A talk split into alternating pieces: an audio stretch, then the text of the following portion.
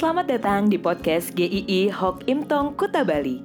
Penginjil Ray Reginaldi akan membagikan renungan harian singkat untuk membawa Anda mengenal dan menyembah Tuhan Yesus, bertumbuh dan menjadi murid Kristus, serta berdampak untuk banyak orang.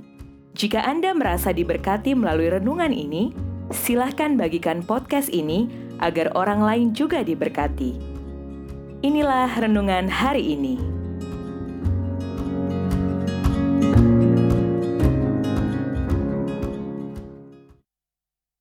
Hambanya bagian 2 Lukas 17 ayat 9 Adakah ia berterima kasih kepada hamba itu karena hamba itu telah melakukan yang ditugaskan kepadanya? Hari ini kita masih membahas tentang seri hamba. Satu tujuan seorang hamba adalah bekerja. Dia akan selalu memikirkan kepentingan tuannya, pemiliknya. Kadangkala ada pelayan Tuhan yang bisa kecewa kepada Tuhan. Saya sudah melayani Tuhan bertahun-tahun, tetapi ada masalah saya yang tidak pernah selesai juga.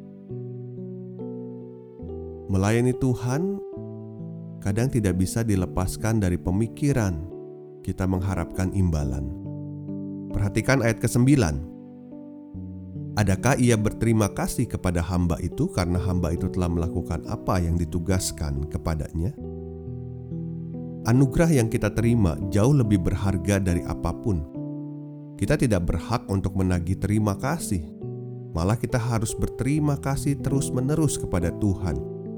Melayani Tuhan bukan untuk mendapatkan imbalan, tetapi bukan juga beban yang menyesakan. Karena melayani Tuhan adalah satu ucapan syukur kita kepadanya dan satu sukacita kalau kita boleh dipakai oleh Tuhan untuk melayani Tuhan. Tuhan Yesus apa tidak punya hak ketika dia ada di dalam dunia ini? Dialah yang paling berhak atas segala-galanya.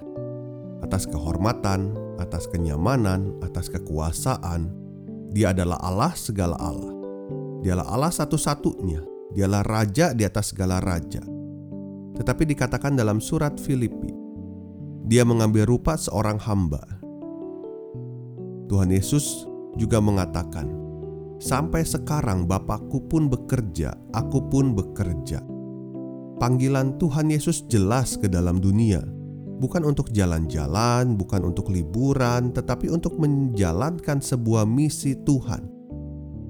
Sampai akhirnya di atas kayu salib dia katakan sudah selesai.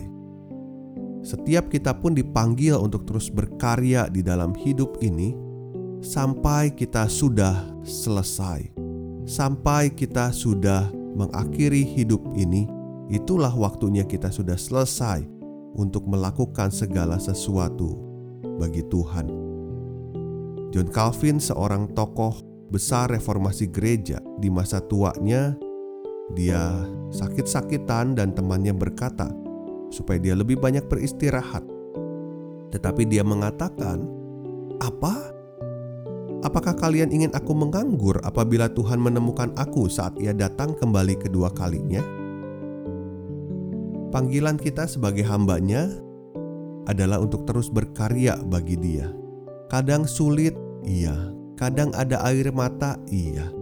Tetapi kita tetap dipanggil untuk terus berkarya.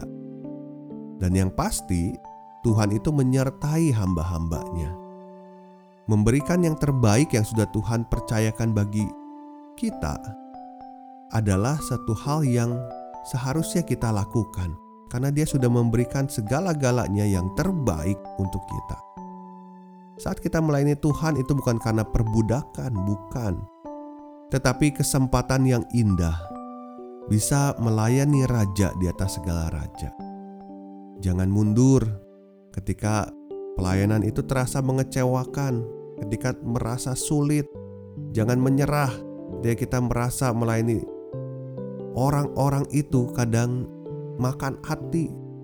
Teruslah berkarya sampai akhir ya kita memang tidak sanggup lagi melakukan apa pun. Melayani Tuhan itu indah sekali. Biarlah hidup kita diberikan untuk melayani Tuhan bagi Tuhan. Seri terakhir pembahasan kita tentang hamba Tuhan akan dituntaskan di besok hari.